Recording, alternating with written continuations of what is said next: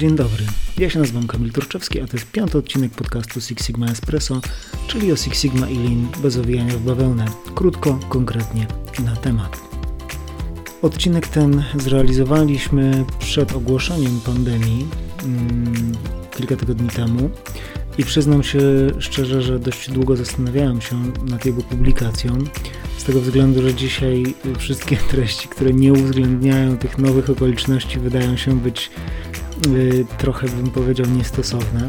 Koniec końców jednak pomyślałem, że być może będzie to dla wszystkich taka chwila wytchnienia i w czasie, kiedy wszyscy rozmawiają o wirusie, pandemii, kryzysie, zarządzaniu kryzysowym, fajnie będzie posłuchać bardzo ciekawej, interesującej moim zdaniem rozmowy, głównie na temat Lean, bo mój gość, choć jest y, dyrektorem jakości na poziomie global w dużej firmie motoryzacyjnej, bardzo dużo swojej uwagi w pracy i tutaj też w tej rozmowie poświęca właśnie tematyce linowej. Chciałbym Wam powiedzieć też, że była to jedna z y, tych rozmów, która no, miałem takie odczucie troszkę brakującego czasu, bo Marcin mój gość opowiada szalenie ciekawe historie ze swojego doświadczenia i jest przy tym niezwykle szczery i uważam to za bardzo cenne, wartościowe właśnie zanurzenie się w tych opowieściach osoby, która ma blisko 20-letnie doświadczenie w branży motoryzacyjnej, bardzo szeroką perspektywę, a przy okazji odwagę do tego, żeby szczerze opowiadać o tym, co działa, co nie działa i dzielić się swoją refleksją na ten temat. Tym bardziej zachęcam Was bardzo mocno do wysłuchania tej rozmowy i dodam jeszcze, że w tym odcinku jest pewne postscriptum. Mm, dograliśmy z Marcinem dosłownie jeszcze króciutki wątek, także na samym końcu y, zatrzymajcie się jeszcze, nie wyłączajcie y, urządzenia, z którego odsłuchujecie tego podcastu. Zatem ja się już dłużej nie rozgaduję. Zachęcam Was do posłuchania tego, co o linie i o biznesie ma do powiedzenia Marcin Mazur, Global Quality Director w firmie GKN Automotive. Zapraszam serdecznie. To co, zaczynamy? No to szybko. Marcin, pracujesz w GKN, w GKN Automotive. To jest y, no, jedna z takich ciekawszych firm, które widziałem, też od strony organizacji, zwłaszcza z zakładu Leśnicy, ale takiemu szaremu, przeciętnemu Kowalskiemu to jest bardzo mało znana firma, to nie jest jakiś znany brand. Mógłbyś powiedzieć dwa słowa, co to jest za biznes, w którym pracujesz? No i tak, to jest firma, która nie jest znana y, użytkownikom tych, tych mhm. produktów, które my, my, my dostarczamy na rynek. I ja pamiętam, że jak ja zaczynałem, to też nie miałem pojęcia, co za firma i nawet będzie chyba trudno znaleźć jakąś stronę internetową. GKN jest firmą, która produkuje i dostarcza rozwiązania przeniesienia napędów, czyli e, półosie do samochodów osobowych, wały napędowe, e, moduły mechanizmów różnicowych, a od kilku lat również takie połączenie, czyli silniki elektryczne i skrzynia biegów mhm. jako jeden e, power pack, czyli jedno takie jedno rozwiązanie do napędu. W tej chwili kilka takich dość ciekawych projektów, jak e, pierwszy w pełni elektryczny e, samochód dostarczony przez Fiata, będzie się nazywał Fiat Mini BEV, Mini BAV. Zdradziliśmy jakąś vehicle. tajemnicę nie, nie, nie. teraz? Nie, nie, nie. nie, nie. Fiat chyba to już... Nie, nie, poza tym to się stało, to trzeba będzie wycinać, ale Fiat chyba to, to mocno reklamuje. Mhm. E, hybrydy i w pełni elektryczne samochody będą jeździły na naszych e, silnikach i skrzyniach. Tam trudno powiedzieć, że to jest była skrzynia, bo tam jest tylko kilka przekładni i mechanizm różnicowy, ale, ale jako napęd to jest całość. Super. Marcin, czym Ty się obecnie w GKN zajmujesz? E, jak wczoraj czytałem sobie takie punkty na dzisiejszą rozmowę, gdzieś tam czytałem je na głos, to moja żona powiedziała, o, to ja też się dowiem. E, I od kilku lat pracuję w jakości. Głównym moim zadaniem jest e, usprawniać procesy, przewidywać problemy, analizować ryzyko. Moje stanowisko to e, globalny dyrektor zarządzania jakością. Brzmi bardzo ogólnie, ale mhm. chodzi o to, żebym, żebyśmy w mojej grupie, w której ja pracuję, mieli coraz mniej reklamacji od klienta, mieli coraz mniej akcji nawrotowych albo ryzyk tych akcji nawrotowych. E, koordynuje działania między zakładami w e, Azji, Europie i Stanach. Głównie chodzi o wymianę wiedzy. To jest taka funkcja, y, czy taka rola, która jest y, lubiana i poważana w grupie? Mm, O, to pytanie. Na No pewno jest. nie było na liście. Na pewno, tak, tak nie, tak nie było na liście. Na pewno jest trudna, dlatego że e, w GKN mamy struktury regionalne i globalne, gdzie, gdzie tacy ludzie jak ja em, zajmują się podejściem do systemów, do procesów Mhm. z, glo- z globalnego punktu widzenia i wymuszają niejako na zakładach e, Konkretne działania. działania, które są związane z tymi procesami. Tak? E, Czy jest poważana, czy jest lubiana? No, staramy się, żebyśmy mieli wartość dodaną, mimo tego, że jesteśmy kompletnie Spoza. często. spoza procesów. Nie, nie, nie, nie, nie wytwarzamy my fizycznie, e, nie uczestniczymy nawet w tych procesach produkcyjnych bezpośrednich. E, Kiedyś się zastanawiałem nad tym, co by się stało, gdyby mojego stanowiska zabrakło i według moich szacunków firma odczułaby to w przeciągu trzech lat dopiero. Tak? Bo Mhm. tak szacuję, że w przeciągu trzech lat okazałoby się, że te same błędy popełniamy w Azji, w Europie, w Stanach. Nie ma kogoś, kto to koordynuje i spina i nie ma jednych standardów. Nie obawiasz się, że twój pracodawca usłyszał to właśnie? Y, Nie, myślę, że pracodawca ocenia podobnie. Ale nie, nie, nie. Myślę, że to jest dość o, znane podejście do stanowisk globalnych. Mhm. Takich ludzi jak ja jest kilkudziesięciu i chyba każdy, każdy powinien sobie zdawać sprawę z tego, że firmy czy zakłady bez nas będą sobie radzić. Karawana pójdzie dalej. Marcin, y, rozmawialiśmy tu przed chwilą, że ty w GKN jesteś już 17 lat, tak? W tym roku będzie 17 lat. 17 lat. No to dzisiaj to można powiedzieć, że w naszych czasach to jest szmat czasu. Zmieniamy te firmy dosyć często, zwłaszcza na takich stanowiskach kierowniczych, menedżerskich, ci ludzie często rotują. Jak to jest, że ty tak długo tam jesteś? Jaka ta twoja ścieżka była? I co cię tam trzyma cały czas, że to jest dalej atrakcyjne dla ciebie? Zastanawiałem się nad tym też, y, jak, jak sprawdzałem, e, ile to już lat. Często jest tak, że spotykamy się w firmie na jakichś warsztatach i przedstawiamy się, tak? I, i ludzie się przedstawiają, mówiąc, co robią, jak długo są na tym stanowisku. I, I miałem takie jedno spotkanie, gdzie, gdzie było kilku inżynierów i oni powiedzieli, mówili, no okej, to ja Mhm. dwa lata w firmie, ja trzy, ja sześć miesięcy i dotarło do mnie, ja powiedziałem, no 17 lat. No. I, I nawet ich, ich spojrzenia mówiły mi, że coś to jest dziwne. to jest dziwne. Mhm. To po części jest związane z historią moją i z tą firmą, dlatego że ja w 2003 roku e, musiałem odbyć praktykę trzymiesięczną w jakimś zakładzie na studiach inżynierskich na Politechnice Wrocławskiej i, e, i był zakład w Oleśnicy, który właśnie potrzebował praktykanta. No i tak jak przyszedłem na praktykę, to już po tej praktyce tak zostałem. To znaczy, ja pamiętam do teraz miałem pierwszy miesiąc praktyki, Czyli to twoja pierwsza praca tak naprawdę? tak, ja nie znam żadnej innej firmy. Nie byłem na, e, nie byłem na ani jednej rozmowie o pracy. Odbyłem kilka rozmów o pracę, czy, czy takich e, spotkań, ale po tej drugiej stronie stołu to ja byłem tym, który pytał, gdzie widzisz się za 5 lat, albo gdybyś mógł być drzewem, to jakim drzewem chciałbyś być, ale nigdy nie byłem na rozmowie o pracy i często śmieję się z tego, że jak mnie zwolnią, to, to, to koniec, to po mnie, bo ja nie mam pojęcia, jak się zachować na rozmowie o pracy. Ale tak jakoś się poskładało, że zostałem po tej praktyce, e, później e, udało mi się kończyć studia i jednocześnie pracować.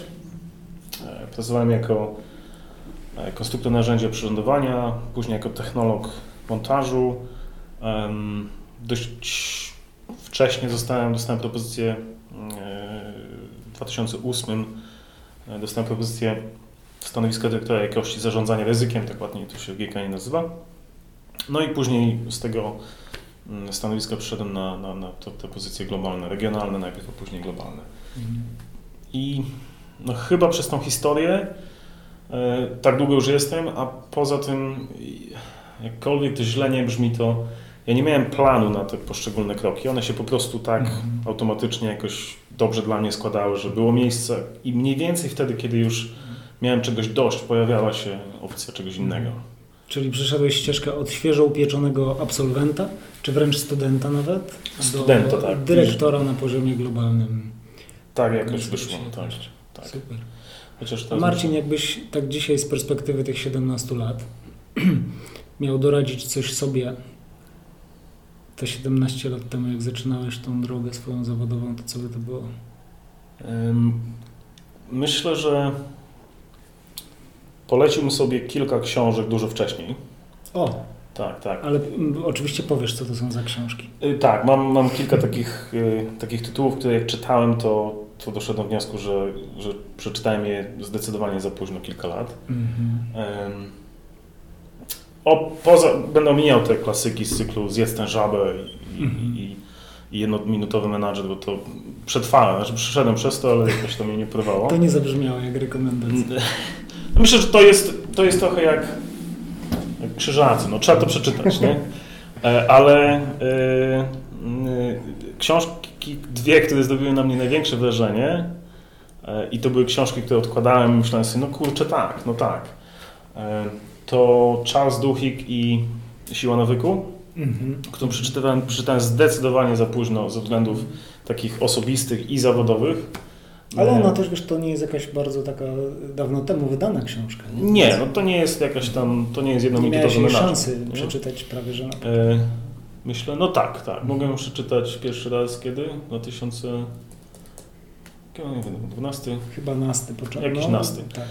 E, Druga też, której nie miałem aż, e, mm, aż tak dużej szansy przeczytać jeszcze na studiach, to, em, to Getting Things Done. E, Mhm.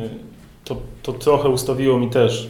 I, I tutaj mówię o, mówię o życiu osobistym i zawodowym, dlatego że wierzę i wyznaję tę zasadę, może dlatego, że mam takie stanowisko, jakie mam, że nie da się rozdzielić e, pewnych rzeczy takich rozwojowych, osobistych na, na, na sprawy zawodowe i, i, i, takie, e, i takie osobiste, i takie życie, życie prywatne.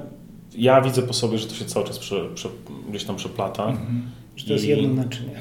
No, trudno mieć poukładane procesy i, i, i 5S w biurze i tak dalej i, i, i rozwałkę w garażu. Nie? Czasami się to zdarza, ale to, to, to od razu powoduje gdzieś tam mój dyskomfort.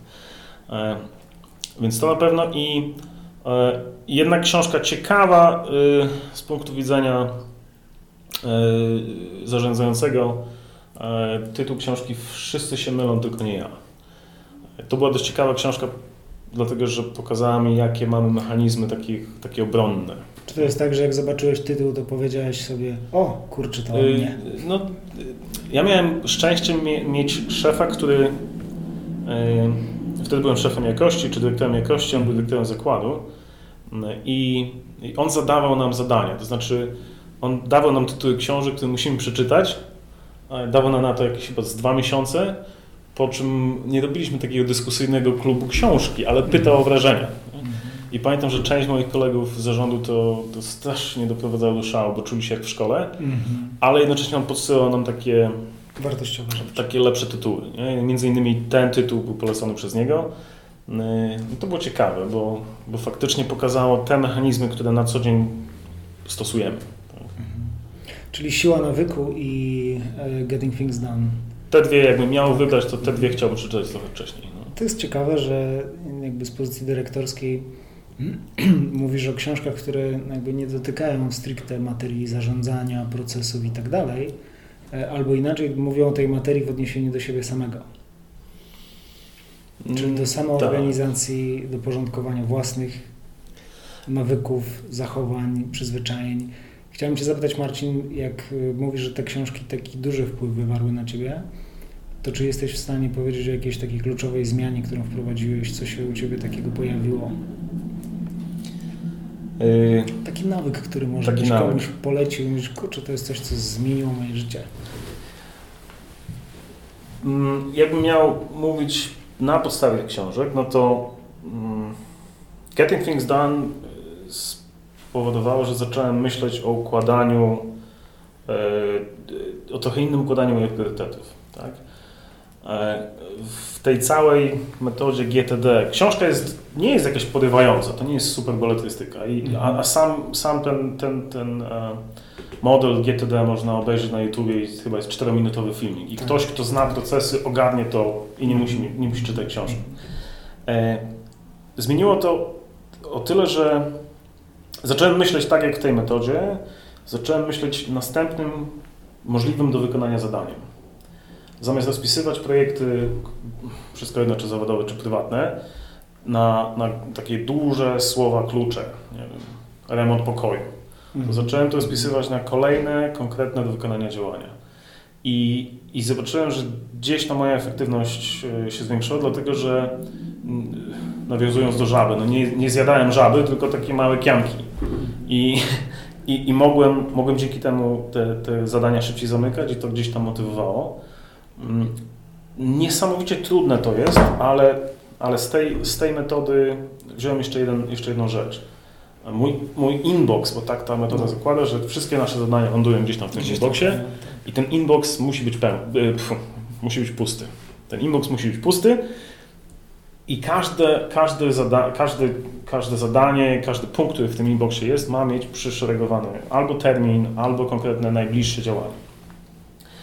E, próbowałem to kilka razy sprzedać u mnie w firmie, ale no jest to ciężkie. E, rekordzista, gdzieś tam jak rozmawialiśmy, rekordzista w Outlooku, w tym takim typowym mhm. inboxie miał chyba 7000 wiadomości, z czego bardzo dużo miał nieprzeczytanych. Oznaczony go otwierał, patrzył, że to jest coś dużego, nieprzeczytane.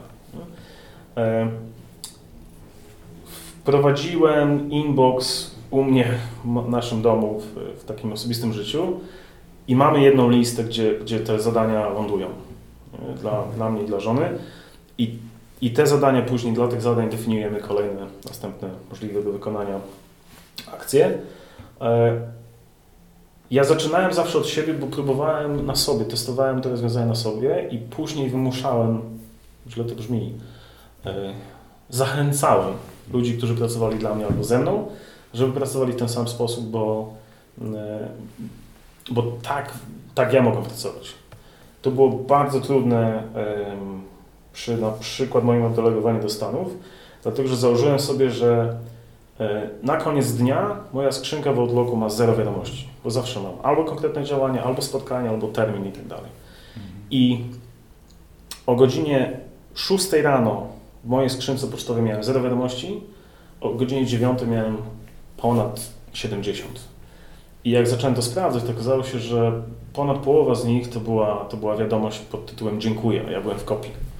I zacząłem, ten mój zespół tam, e, zacząłem mocno naciskać, że jeśli nie ma zadania dla mnie, jeśli ja nie jestem potrzebny w tej korespondencji, to żeby mnie tam nawet nie ujmowali. I to było dla nich kompletnie nie do przeskoczenia. Mhm. Dlatego, że e, jeśli osoba A zapytała o coś osobę B, a ja byłem w kopii, to ta osoba B odpowiadała do tej osoby A, również ze mną w kopii, po czym ta osoba A odpisywała do osoby B dziękuję, ze mną w kopii. I oni uznawali to jako, jako takie... Wyraz szacunku. Takie uznanie w w oczach uznanie dla tej drugiej osoby ze mną jako świadkiem tego. Mhm. Jak ja powiedziałem, że nie chcę w ogóle o tym słyszeć, to oni byli mocno zaskoczeni.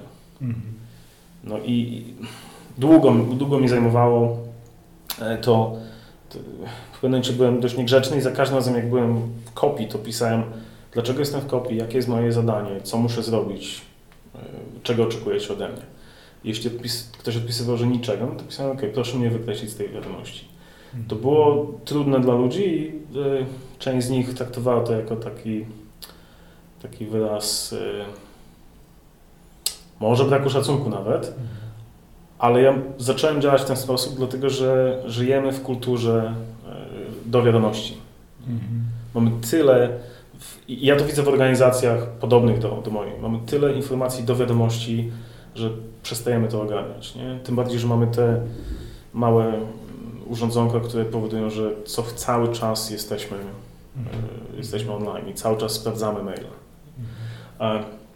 Natomiast jeśli chodzi o, to, to, to, jeśli chodzi o GTD, natomiast jeśli chodzi o siłę nawyku, to e, ten główny punkt, który, który gdzieś tam w tej książce jest wymieniony, mówi o tym, że samego jest bardzo trudno wyeliminować nawyk, ale można zmienić wskazówkę do tego nawyku albo przekuć nawyk w coś innego.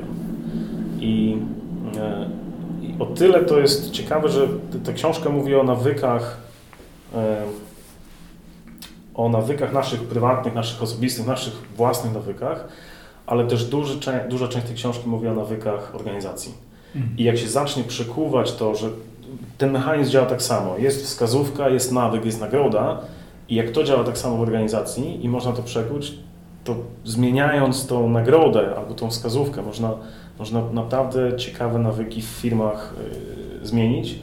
mój poprzedni szef po przeczytaniu tej książki przeniósł 100% swojej uwagi na, na BHP, na bezpieczeństwo. BHP zawsze źle brzmi w Polsce, bo źle się kojarzy, tak trochę starodawnie. Mhm. Ale on przekuł wszystko na bezpieczeństwo, mówiąc o tym, że jeśli ludzie będą codziennie myśleć o bezpieczeństwie, będą zwracać na to uwagę, to później bardzo łatwo można to przekuć na to, że będą zwracać uwagę na marnotrawstwo. Na jakość. Na jakość, tak? I nie będą przechodzić obojętnie obok, obok pojemnika pełnego y, gotowych komponentów, które trzeba wyrzucić na złom, bo coś jest nie tak. I widzę, że da się to w organizacjach wprowadzić. Jest to oczywiście trudne, tak jak zmiana nawyków w naszym życiu, ale jest to, jest to możliwe. No i tak przeszliśmy płynnie na grunt organizacji. Marcin, ty jesteś na stanowisku dyrektora jakości, natomiast bardzo dużo masz też do czynienia z linem, z tego co wiem. Tak, dlatego że gdzieś tam y, to dotyka moich, y, moich punktów i moich, moich kluczowych wskaźników e, wydajności. Nawiąz trochę odnosząc tego do tych sił nawyku. Jeśli wiem i widziałem to, sprawdziłem to na żywo, że jeśli w, jeśli w jakiejś firmie, w jakiejś organizacji nie ma podejścia odpowiedniego do bezpieczeństwa, to możemy zapomnieć, zapomnieć o jakości. Mhm. I, I podobnie, jeśli ludzie nie, y, jeśli pracują w otoczeniu, które jest biegunowo odległe od linu, znaczy, e, nie myśli się tam o stratach, nie myśli się o organizacji tego stanowiska, nie myśli się o przepływach mhm. procesu, no to nie, mamy, nie, mamy, nie ma co myśleć o jakości. E, procesy, które mamy zorganizowane i, i które, które są optymalnie ułożone, tam nie będzie dziur w tych procesach.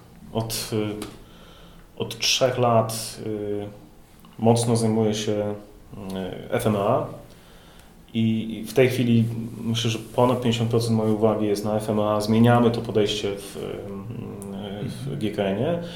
Zaraz powiem, jak to nawiązuje do Lean. E, ale, ale widzę, że, e, że nie pamiętam kto to powiedział, ale że jakości nie można skontrolować, tylko jakość trzeba wyprodukować.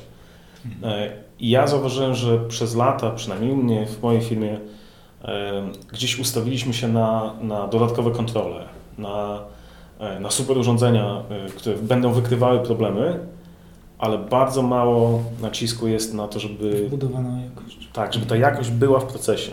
Kiedy może być w procesie? Wtedy, kiedy, kiedy proces jest płynny. Wtedy, kiedy e, mamy małe ryzyko zakłóceń, a zakłócenia się pojawiają wtedy, kiedy na przykład proces nie jest optymalny. Bo ludzie, którzy pracują na liniach i teraz w tym roku widzimy, że, że, że większość E, reklamacji od początku roku do teraz, ja myślę, że to jest około 60% reklamacji od klienta, które mamy, są spowodowane tym, że wystąpił błąd operatora. Operator czegoś nie zrobił albo zrobił coś źle. I e, jak mówi mój kolega dyrektor produkcji, woda nigdy nie popłynie pod górę. Ludzie zawsze znajdą, Amerykanie mają powiedzenie, że natura zawsze znajdzie sposób. I, i, I ludzie, którzy pracują w procesie, niezależnie czy to jest proces biznesowy czy produkcyjny, oni zawsze znajdą sposób. Taki, który jest dla nich lepszy, szybszy, wygodniejszy. Mm. I tylko nie zawsze tak, jakbyśmy tego chcieli. Mm. I, ja widzę Lean z mojego, z mojego jakościowego punktu widzenia.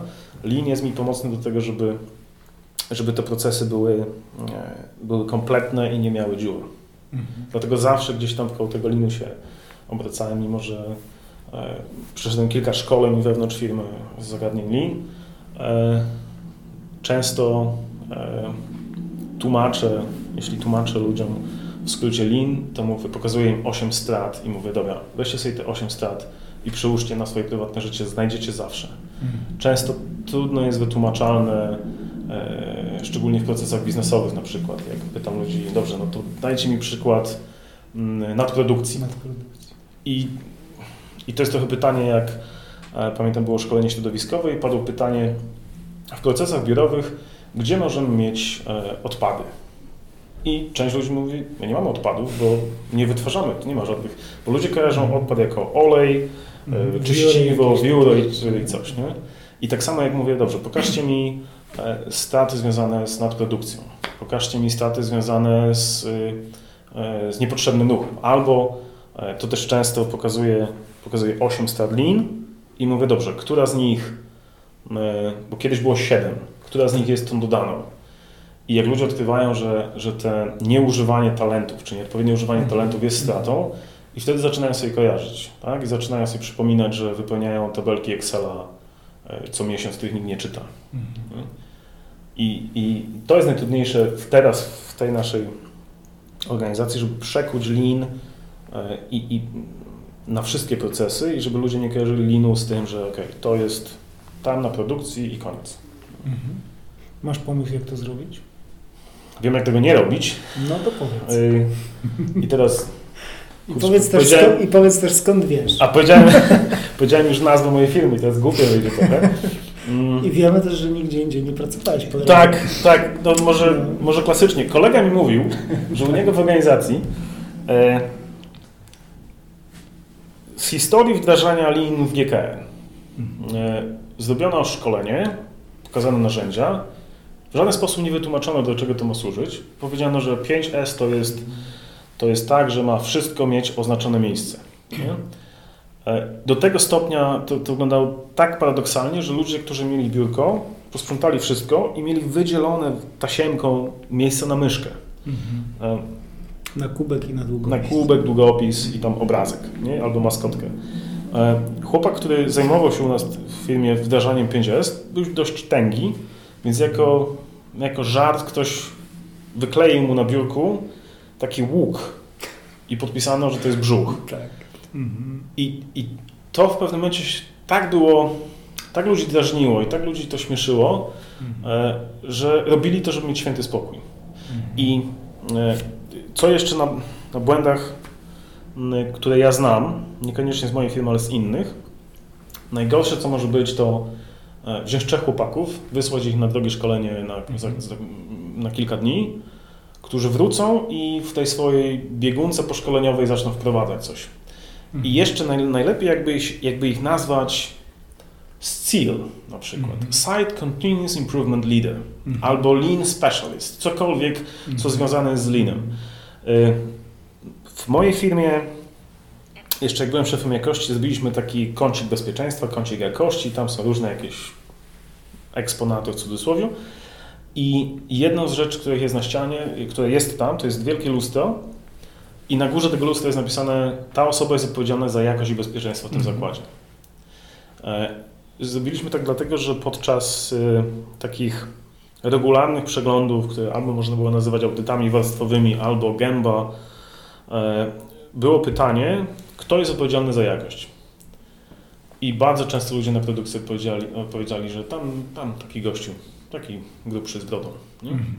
I zobaczyliśmy, że, że to, nie jest, to nie jest to.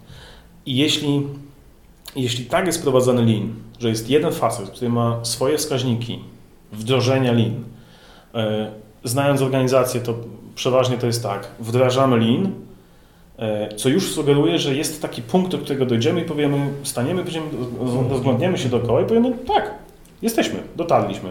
Mamy lean. się od nas teraz. Tak, mamy wprowadzony lean. Więc wprowadzanie lean w organizacjach wygląda tak. Y, ustawiamy plan.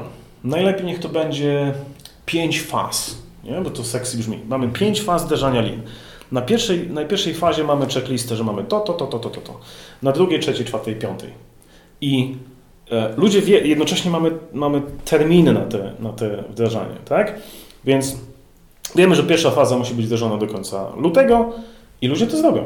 Ludzie wprowadzą te tak naprawdę wezmą sobie checklisty i zrobią to, co jest na tych checklistach, żeby oni mogli powiedzieć, że ich obszar jest na poziomie pierwszym, jest w fazie pierwszej. I kończy się tak, że nikt nie zastanawia się, po co to jest. Ludziom nie jest wytłumaczone to, e, dlaczego, po co to wprowadzamy, a oni robią to, żeby tylko się od nich odczepić. To, co jakby za koło, które zatoczyło się w, w GKN, to właśnie tak, że myśmy wprowadzali te poziomy, fazy i tak dalej, po czym ktoś to w końcu złapał za, za uzdę i, i zaczął tłumaczyć ludziom, po co to jest. Tak? Mhm. Że 5S to jest, jest wtedy, kiedy wszystko ma swoje miejsce i wszystko jest na swoim miejscu. A robimy to dlatego, że, że na jednym stanowisku pracy będzie wszystkim wygodnie. E, kiedy ludziom zaczęto tłumaczyć to, że działania związane z narzędziami Lean nie są po to, żeby ich zwolnić, albo nie są po to, żeby żeby wycisnąć z nich jak najwięcej. Wydaje mi się, że szczególnie w polskiej kulturze od razu mechanizm obronny pojawia się taki, że ok, usprawniają procesy, patrzą gdzie są dziury, patrzą gdzie mamy, nie mamy, gdzie mamy mhm. działania, które nie mają wartości dodanej po to, żeby jednego z nas zwolnić. No. Do teraz pamiętam, to jest trochę na boku, ale taki mechanizm zadziałał. Moja firma bardzo mocno stawiała zawsze na plan następstw. I ja musiałem mieć przygotowaną dla mojego szefa, musiałem mieć listę osób, które jeśli ja odejdę, potrafią mnie zastąpić. A jeśli nie tak. potrafią mnie zastąpić teraz, to czego im brakuje, jakich mhm. kompetencji brakuje i kiedy ja te, te luki kompetencyjne wypełnię. Mhm. Więc ja e, zszedłem z tym niżej i zapytałem moich liderów, bo taka była struktura, że miałem pięciu liderów, którzy raportowali do mnie, oni mieli pod sobą pracowników. Ja zapytałem o to samo e, moich liderów. Byłem młodym, uczącym się menadżerem i zapytałem ich tak, słuchajcie, na każde wasze e, na każde Wasze stanowisko. Ja chcę, żebyście Wy dali mi nazwisko osoby z Waszego zespołu, która może to stanowisko bez problemu przejąć, a jeśli nie, to co musi, jakie szkolenie musi odbyć, żeby to stanowisko przejąć. Tyle im powiedziałem, na drugi dzień przyszedł jeden z moich liderów i zapytał, dlaczego ja chcę go zwolnić. I dopiero wtedy tłumaczyłem, że czasami się zdarza tak, że ja dostaję informację z regionu, że potrzebują specjalisty do spraw hartowania. No i żebym mógł Ciebie rekomendować, to ja muszę mieć zaplecze. zaplecze. Muszę, mieć, muszę mieć tył obsadzony i wiem, że okej, okay, ciebie, y, ciebie nominuję, to mam już gościa, którego muszę trochę podszkolić, go mam. No ale tego nie wytłumaczyłem. I, I on był tym, który przyszedł, ale wiem, że pozostali liderzy też chodzili i się zastanawiali, o co chodzi, dlaczego ja nagle chcę ich zwolnić. I, e, i z tej perspektywy patrzę trochę na to, jak, co operator może myśleć, taki zwykły operator w linii, który dokłada części, naciska guzik start, kontroluje, sprawdza i tak dalej kiedy przychodzi do niego wcześniej wspomniany e, Continuous Improvement Leader i zaczyna sprawdzać ze stoperem jego czas, wypełnia jakieś tabelki, nic, nic nie mówiąc, nie tłumacząc mu, co to jest i mówi, że on tutaj będzie usprawniał proces. Automatycznie pojawi się mechanizm obronny. I ludzie nie będą tego robić. I ludzie nie będą mówić, co w ich procesach jest bez sensu. A y, jeden z takich przykładów wykorzystania pozytywnego znajomości procesu przez operatorów, którzy pracują na linii, e, miałem właśnie w, w, w zakładzie w Stanach, kiedy dostaliśmy reklamację od klienta i wszyscy inżynierowie rozłożyli ręce i powiedzieli, że nie mają pojęcia, jak to mogło przejść przez proces. Zrobiliśmy taki plakat w stylu, e, w stylu Dzikiego Zachodu ze zdjęciem tej, tej części, która była wadliwa. Wyznaczyliśmy nagrodę chyba 100 dolarów czy 200 dolarów i wywiesiliśmy to na linii. Nagroda była dla tego, kto sprefabrykuje taką część e, i wytłumaczy nam, jak to, jak to zrobił. Mhm. I znalazł się po, po chyba trzech zmianach znalazł się chłopak, który pokazał nam, jak można to Czyli zrobić. Czyli potrafił powtórzyć ten błąd. Potrafił powtórzyć ten błąd. Oczywiście musieliśmy go zapewnić, że to nie jest szukanie winnych, że szukamy dziury w procesie. I faktycznie mhm. znalazł taki dziwny cykl E, czujników, które jeśli od, w odpowiedniej sekwencji zadziałają, no to ta część niezgodna zamiast zostać odseparowana, pojedzie normalnie jako część zgodna. I, i wszyscy inżynierowie mówią, że mogliby stać tam miesiąc przy tej linii, by tego nie wykryli. Mhm. I, I to, jak ja widzę Lean, to, e, to kiedy może się to udać, to jeśli nie będziemy wdrażać narzędzi, tylko, tylko pokażemy ludziom wszystkim wewnątrz organizacji, po co to robimy, jaki jest cel tego. A później możemy, powinniśmy wprowadzać narzędzia i mówiąc, dobra, pamiętacie jak mówiliśmy o tym, że chcemy, żeby, żeby praca była jak najbardziej ergonomiczna, do tego może nam pomóc 5S. W tym może pomóc narzędzie 5S e, albo mapowanie procesu. Wtedy, wtedy ludzie gdzieś tam kupimy. Nie? Marcin, odnosisz się też licznie do swoich doświadczeń z zakładów w Stanach Zjednoczonych. Mógłbyś powiedzieć, czy dostrzegasz jakieś różnice, jeśli tak to jakie, we wdrażaniu lin właśnie tutaj w Polsce, w zakładzie w Oleśnicy, a w Karolinie? Yy, tak, półtory, przez, przez to, że działo się źle w naszym zakładzie w Newton, Karolinie Północnej, zostałem tam wysłany na, na rok. To było też tak, że, że tam jeździłem na trzy tygodnie, wracałem na tydzień, na dwa tygodnie, na tydzień. Więc poprosiłem moją szefową, żeby wysłała mnie tam na rok, zrobię co mam zrobić i wrócę. Skończyło się na 16 mm, miesiącach, 15-16 miesiącach. Y, te różnice, które widzę, to mm, chyba największe, największe to ludzie. Tak? Amerykanie często mówią, że to wszystko, it's all about people, it's all about people i ten slogan był wszędzie i, i, i, i powoli zaczynał drażnić. Zobaczyłem, co oni mają na myśli, gdy zobaczyłem różnicę między, między kulturą w Polsce i kulturą w Stanach.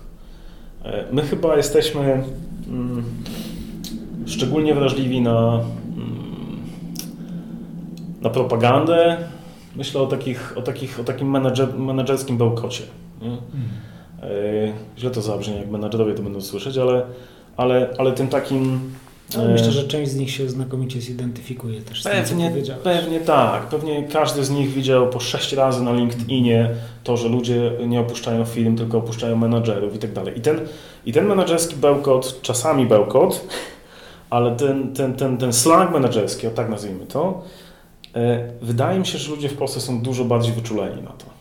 E, pamiętam e, gościa, który był VP na, na Europę, na GKN i on, on miał swój gest. On, znaczy on przyjeżdżał do każdego zakładu i jak miał obchód taki przez, przez fabrykę, to zatrzymywał się z operatorami i robił sobie zdjęcie z kciukiem do góry. Mm -hmm. I ja widziałem, jak to bardziej, łącznie z menadżerami, my też musieliśmy z nim, jak staliśmy, to musieliśmy dawać kciuk do góry i robić zdjęcie. Ja widziałem, jak to niektórzy aż łamali sobie kręgosłupy, żeby ten, ten kciuk mhm. dać. Dla mnie też to nie było jakieś takie naturalne, że kciuk do góry i pozytywnie jest super. Nie? E, każdy przy takich wizytach porównywał e, gdzieś tam czasy komuny i malowanie trawy na zielono, bo tak to było. W mojej, w mojej organizacji, jeśli wchodzisz na zakład, zawsze będziesz wiedział, kiedy przyjeżdża jakaś ważna osobistość e, z świata GKN, bo jak wchodzisz na zakład i pachnie farbą, to znaczy, że dziś albo jutro ktoś będzie. I, i tak jest. I to, co ludzi mrozi, e, i zaraz powiem, jak to się ma do lin, i to, co ludzi mrozi w Polsce, jest kompletnie naturalne w Stanach. Mhm. Widziałem ludzi, którzy byli bardziej zmotywowani tym, że zjedli na stołówce pizzę po, po udanym projekcie. Zjedli pizzę z z dyrektorem zakładu, niż, e, niż tacy, którzy dostali nie wiem jaki bonus finansowy. Dla nich takie gesty mają duże znaczenie. Pewien, pewien e, czy to nie jest, Marcin, tak, że mm, one mają znaczenie, czy nabierają znaczenia, dlatego że te ich potrzeby takie bardziej podstawowe, patrząc, odnosząc się do klasycznej, nie wiem, piramidy Maslowa, że one są zaspokojone, nie są sfrustrowane, więc można teraz bazować na zaspokojeniu potrzeb wyższego rzędu. Na pewno tak. Na pewno tak. To, że, to, że nie ma, yy, że w Stanach nie ma takiej, jak ostatnio czytałem, nie wiem, czy można nazwać klasę społeczną, ale czytałem o tak zwanych biednych pracujących, gdzie jest dwójka rodziców, mają dwójkę dzieci, oboje rodzice mają pracę, a wystarczy na opłacenie rachunków i tyle. Jak mhm. przydarzy im się coś takiego jak nie wiem, kupno nowej pralki, no to już jest problem. Kredyt. Tamtego, tak, kredyt, tak. No tamtego problemu nie ma, nie jest tak zauważalny. E, te pensje ich pozwalają na spokojniejsze życie e, i, a oni faktycznie potrzebują czasami e, takiego zauważenia, takiego docenienia, że jesteś dla nas ważny, poklepania po plecach, dobra robota, Trochę takie jak z tych amerykańskich filmów, gdzie flaga z tyłu powiewa. I e, na pewno to jest, to jest inne. E, zaskakująca rzecz, która była, e, którą zmianę, a w pewnym momencie szefem zakładu został mm, Niemiec, który przyjechał z Europy, był wcześniej w Szwecji i, i on chciał mm, zmienić tę organizację w taki sposób, że no trochę na wzór tego, co, co, jak pracujemy w Europie. To znaczy e, pracownicy fizyczni mają standardowy swój mundurek w cudzysłowie. Tak? Menadżerowie mają też jakiś tam dress code, mają białą koszulę z logo firmy. I on chciał to wprowadzić wprowadził to, ale e, byłem bardzo zaskoczony, jak jeden z menadżerów powiedział, że jeśli ktoś każe mu nosić białą koszulę, to on się zwolni. Bo on był w Marines i on zdjął mundur i nie ma zamiaru nosić innego munduru a poza tym, jak będzie miał nosić białą koszulę i, i mundurek do pracy, to by się czuł, jakby pracował w McDonaldzie. I to było dla mnie zaskakujące i faktycznie to nie, to nie był powód, żeby się zwolnić, ale koniec końców on się zwolnił. Nie podobały mu się te zmiany. Bardzo trudno było e, operatorów e, przekonać, że oni też nie mogą przychodzić tak jak z ulicy. Dla mnie, przenosząc się z Europy, to był szok, że tam E, tam w liniach montażowych nie pracowali pracownicy tacy jak w Europie, czyli jakaś tam stój roboczy, tylko, y, tylko tak, jak, tak jak się ubrali rano, no to tak, tak przyszli. Rekordem nasz, robiłem zdjęcia i wysyłałem do, do znajomych, rekordem był gościu, który, y, który, miał, który pracował na, na, na linii, a miał, białą, miał białą koszulkę z czarnym napisem I don't give a mhm. y, i kilka dziwnych znaczków. Nie? I myślę sobie, tak, to jest zaangażowanie. To jest budowana jakość. To jest, to jest budowana jakość, on, on. Ma dość. E, widziałem też to, że mm, bardzo podobne zachowania jak w Polsce, czyli najpierw trzeba było ich przekonać. Najpierw trzeba było ludzi przekonać do tego, że to jest, że jakieś narzędzie jest potrzebne, że jakieś narzędzie jest dla nich, że, że, że nie muszą pracować e, głupio, tak? że mogą, mogą, mogą zmieniać, zmieniać procesy. Coś, coś, co uruchomione zostało między innymi, e, jak ja byłem tam, to ten taki, taka informacja zwrotna z procesu. To, że operatorzy mogli, mogli wprost mówić, co jest źle, co, co jest niewygodne, co jest e, nielogiczne, jakie, jakie, jakie kroki, jakie działania są nielogiczne. I ta informacja zwrotna gdzieś tam była. E, ciekawe zderzenie z tym miałem kilka miesięcy temu w Chinach, kiedy na linii montażowej widziałem, że jest krok, który jest kompletnie bez sensu i operator pobiera podkładkę, idzie cztery kroki w bok, żeby ją zmierzyć, po to, żeby ją na tym samym stanowisku zamontować. I na telefonie, na, na Google Translatorze napisałem, e, napisałem tekst. Powinniście narzekać na proces, powinniście mówić inżynierom, że coś jest nie tak, żeby oni to zmienili. I przetłumaczyłem to na, na chiński i pokazałem dziewczynie na linii, która przeczytała to, uśmiechnęła się, zawołała jeszcze tam trzy koleżanki i one przyszły, przeczytały, wszystkie się zaczęły śmiać i poszły sobie do, do stanowisk. I później jak pytałem inżyniera o to, to on powiedział, że no nie, to, to tak nie działa. Nie działa. To my jesteśmy od tego, jak, żeby im mówić, jak mają pracować. I oni nie będą nam, oni nie będą podważać naszych kompetencji. I tu zobaczyłem, jak to, jakie, jakie są różnice. I hierarchiczność bardzo duża. Bardzo duża hierarchiczność i nie... No, ale z drugiej strony też jakby kultura japońska, też azjatycka, też bardzo taka ustrukturyzowana, też hierarchiczna, a tam jakoś, no tam się Kaizen narodził, prawda, i Continuous Improvement. I no, tam mają jeszcze kilka innych narzędzi do tego, ale tak, jeden z, jeden z takich szoków, które, które gdzieś tam w Japonii zauważyłem, to jak na linii montażowej e, zapytałem szefa jakości, e, zapytałem go o to, dlaczego ten, ten, ten pracownik mm, montuje pewną część i w żaden sposób tego nie sprawdza. Pewna standardowa czynność, która wszędzie w Europie i w Stanach jest, na to jest y, pokajoka, która sprawdza i jeśli tego elementu nie będzie, no to, to finalnie produkt y, nie będzie, nie będzie działał. I, I mówię, no dobrze, ale jeśli on tego nie zamontuje, jeśli on zapomni, to my tego nie wykryjemy, to się pojawi w samochodzie. I ten szef jakoś się patrzy na mnie taki zdziwiony, mówi, ale dlaczego ma zapomnieć? On pracuje tu 7 lat i nigdy nie zapomniał, on nie może zapomnieć. Nie? I tak zastanawiałem się, czy może coś powiedzieć, ale w końcu odpuściłem. A co Ci przyszło na myśl? Przynajmniej, że ale przecież standardy, ale my ogólnie mamy globalne, tu, mm -hmm, i, mm -hmm. ale że jest ok. Nie. Jest jakiś powód, dla którego mm -hmm zakłady w, w Japonii mają e, zero reklamacji, potrafią mieć zero reklamacji w ciągu roku, gdzie zakłady w Europie i w Stanach produkujące podobne komponenty w podobnym wolumenie mają kilkanaście. Więc, więc mają swoją jakieś tam, mają swoje tajemnice.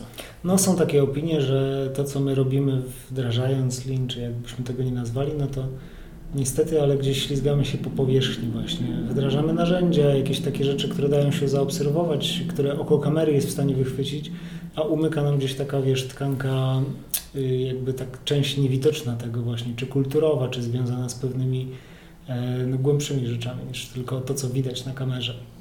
Że są procedury, są instrukcje, jest pokajoka. No, rozmawialiśmy wcześniej o, mm, o, o tym, jak, jak Toyota, jak japońskie zakłady mhm. są, no oni wprowadzili kaizeny, tak, i oni są tym takim takim wzorcem, który powinien być w Sewry pod Paryżem, jak tak. wdraża się kulturę. Nie? Ale e, obserwowałem i, i, i, dostałem całą, cały pakiet prezentacji, jak to jest przeprowadzone w jednym z naszych zakładzie, zakładów w Nagoi e, w Japonii.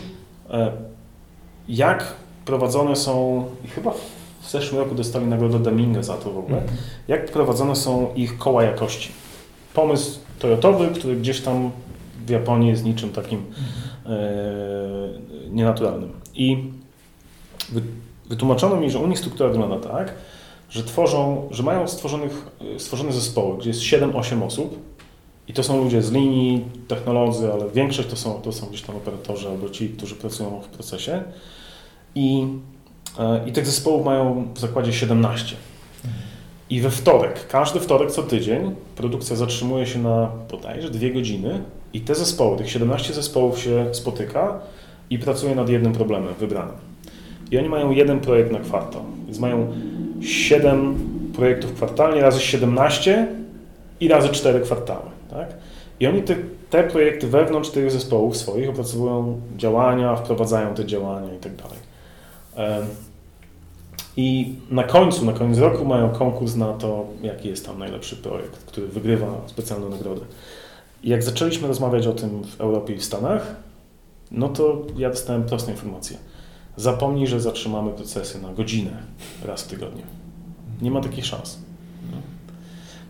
Przygotowanie, można sobie wyobrazić, jak wygląda przygotowanie tych pracowników, tych, tych siedmiu, ośmiu pracowników do pracy, pracy w takim zespole. Najpierw trzeba ich przeszkolić.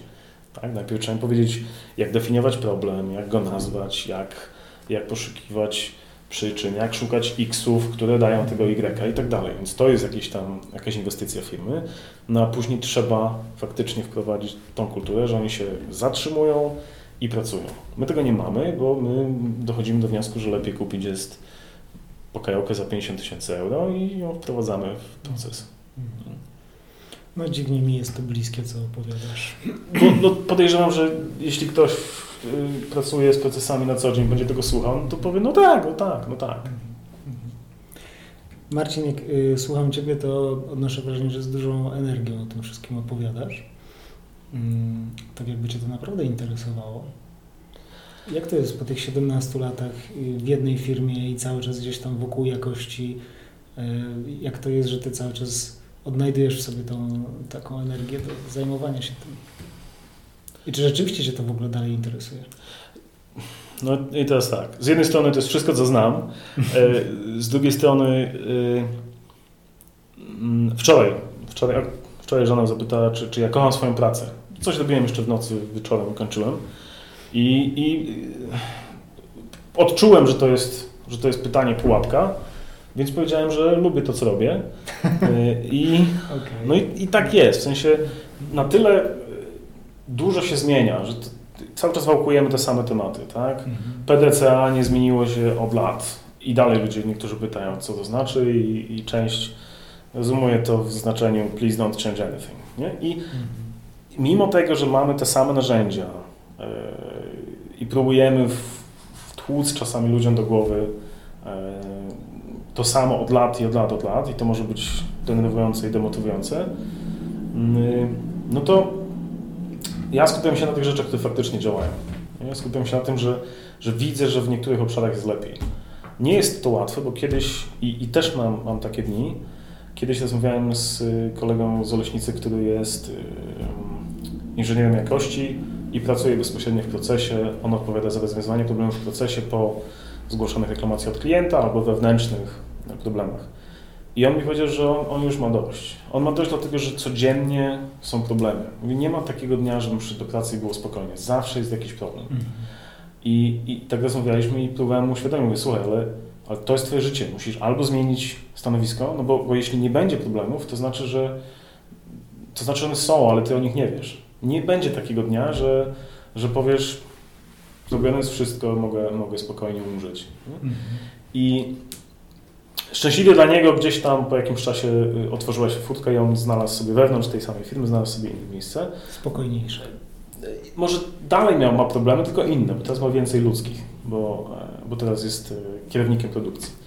Ale e, no ja poddałem się dawno temu i, i wiem, że nie będzie takiego dnia, że, że, problemów, e, że problemów nie ma. Poddałeś się w sensie, to rozumiem, nie że zrezygnowałeś, a poddałeś się temu, co się wydarzy, tak? Tak, znaczy poddałem się temu myśleniu, że- może tak, odsunąłem od siebie to myślenie, kiedy będzie spokojnie, kiedy będzie lepiej, może byle do końca roku. Nie, ja wiem, że że jak się skończą te problemy teraz, no to przyjdą kolejne, naturalnie, bo będziemy zmieniać technologię i, i przyniosą na, i ta nowa technologia przynosi nam całkiem inne problemy. Największym y, dla mnie wyzwaniem teraz jest to, że, y, że, że, że rozpoczynamy większą produkcję y, komponentów i produktów, których nie znam do końca. Tak? Technologię znam, natomiast nie znam całej nauki, która jest za tym, bo produkujemy coraz więcej silników elektrycznych i, i, chcemy sami produkować silniki elektryczne, co powoduje, że żeby rozmawiać z inżynierami na tym samym poziomie, muszę gdzieś tam podstawowe zagadnienia e, poznać. To, to co, co mnie napędza i co cały czas powoduje, że nie wstaję rano z przekleństwem na ustach, jest to, że aktywnie poszukuję nowych, e, nowych możliwości, nowych projektów i, i wierzę w to, że jak, że jak się E, jak się ustawimy na takiej pozycji, że ok, no teraz muszę y, takim tekstem z Podkarpacia zajechać. Mój ojciec czasami narzeka na mojego brata, że on jest przyjdź chlebie, zjem ciebie. Mhm. I, i, i, to podejście, to podejście e, czasami myślę o tym, że, że część z moich znajomych kolegów ma taki właśnie takie podejście, przyjdź chlebie, zjem ciebie i oni czekają na nowe wyzwania i są wiecznie niezadowoleni, bo tych nowych wyzwań nie ma i pytają mnie na przykład o to, dlaczego ich szefowie nie myślą o ich ścieżce kariery. Jak słyszę takie pytanie, to mnie to doprowadza do szału. No bo pytam zawsze, no dobra, a jaką ty masz ścieżkę kariery? Nie? No więc jeśli staram się, jak widzę, widzę możliwości, widzę okazję do tego, żeby gdzieś tam doprowadzać do szału moją szefową, ale, ale jak widzę coś, co, co jest dla mnie atrakcyjne, a, a jednocześnie dla firmy jest wartością, no to wchodzę w to. Dlatego łączę albo, albo mam taki romans z, z Lean, no bo, bo widzę, ile, ile z tego można wyciągnąć do, do jakości. Ale póki co, tak, 17 lat i się nie nudzę. Marcin, na koniec y, chciałem Cię zapytać, czy masz jakieś takie dla Ciebie ważne pytanie, które Ci chodzi po głowie dzisiaj w Twojej roli? Czy jest coś, co Cię nurtuje? Tak. Tak, jest. Y, e, wydaje mi się, że gdzieś to też rozmawialiśmy o tym, ale widzę duże wyzwanie i zagrożenie jednocześnie. To cały, cały temat Industry 4.0. I, mm, i, I trochę czasami wygląda to dla mnie jak, jak Lean, o którym rozmawialiśmy, jak wdrażanie Lean, dlatego że Industry 4.0 jest tematem fajnym, nośnym, politycy o tym mówią, ale Czasami w niektórych organizacjach bardzo podobnie jak w aktualnej polityce, Industry 4.0 ogranicza się do zrobienia fajnej prezentacji w PowerPoincie z kilkoma animacjami. Mhm. Dużym tematem, e, dużym punktem w, w branży motoryzacyjnej jest śledzenie produktu, e, czy też identyfikowalność tego produktu. Bardzo nie chcę użyć angielskiego słowa traceability, ale właśnie go użyłem. E, dlatego, że zbieramy petabajty danych Mhm. Ogromne, ogromne liczby danych zbieramy, które zawsze jak każdy chce zbierać jakieś dane. E, my w tej chwili zbieramy wykresy, jeśli montujemy e, jakieś dwa komponenty do siebie i one mają jakąś, e, z jakąś siłą muszą się zmontować, to my zbieramy dla każdej jednej sztuki kompletny wykres tego, tego procesu, kompletny wykres tej siły wcisku, jak ona występuje. I, i jest taki, taki jakiś fetysz zbierania danych, a ja zawsze się zastanawiam, co idzie za tym, to znaczy w jaki sposób nam to pomoże, jak będziemy to analizować. Nie tyle, że nie mamy narzędzi jeszcze tak, narzędzia na rynku są dostępne, ale nie mamy, mówię o mojej organizacji, podobnie chyba wygląda to w innych, nie mamy narzędzi, które to potrafią dobrze obrobić, ale my też sami nie mamy ludzi, którzy dobrze potrafią to interpretować. I, a, a temat big data jest tematem rozległym, coraz więcej danych zbieramy, archiwizujemy je. W motoryzacji część danych musi przejść przez 15 lat, co za niedługo będzie problemem już samym rozmiarowym.